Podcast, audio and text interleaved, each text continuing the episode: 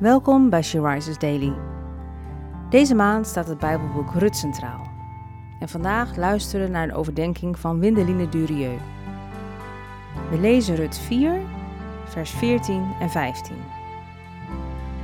De vrouwen zeiden tegen Naomi: Geprezen zij de Heer, die jou vandaag iemand gegeven heeft die voor je zorgen zal. Mogen zijn naam en Israël blijven voortbestaan.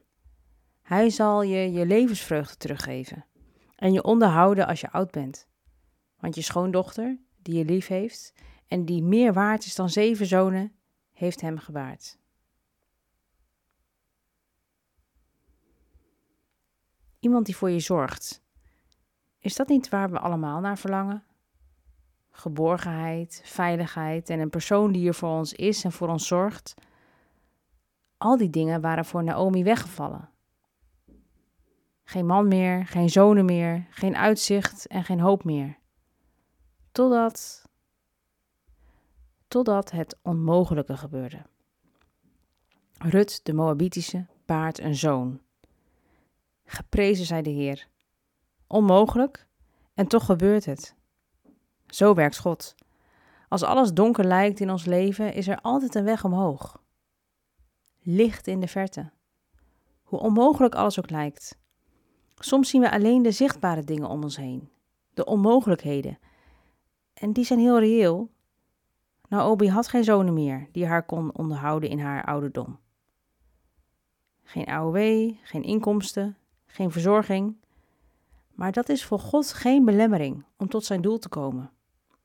God had een plan, dwars door de omstandigheden heen. En als wij denken dat onze keuzes God kunnen belemmeren, om tot zijn doel in ons leven te komen, dan vergissen we ons.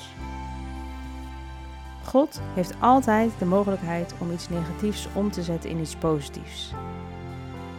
In plaats van zonen kreeg Naomi een kleinzoon. Wat kan de Heer in jouw tekorten gaan doen? Durf je te verwachten dat Hij het onmogelijke gaat doen? Naomi kreeg iemand die voor haar kon zorgen.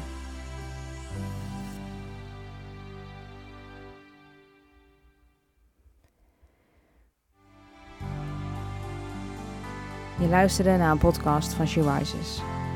She Rises is een platform dat vrouwen wil bemoedigen en inspireren in hun relatie met God. We zijn ervan overtuigd dat het Gods verlangen is dat alle vrouwen over de hele wereld Hem leren kennen. Kijk op www.she-rises.nl voor meer informatie.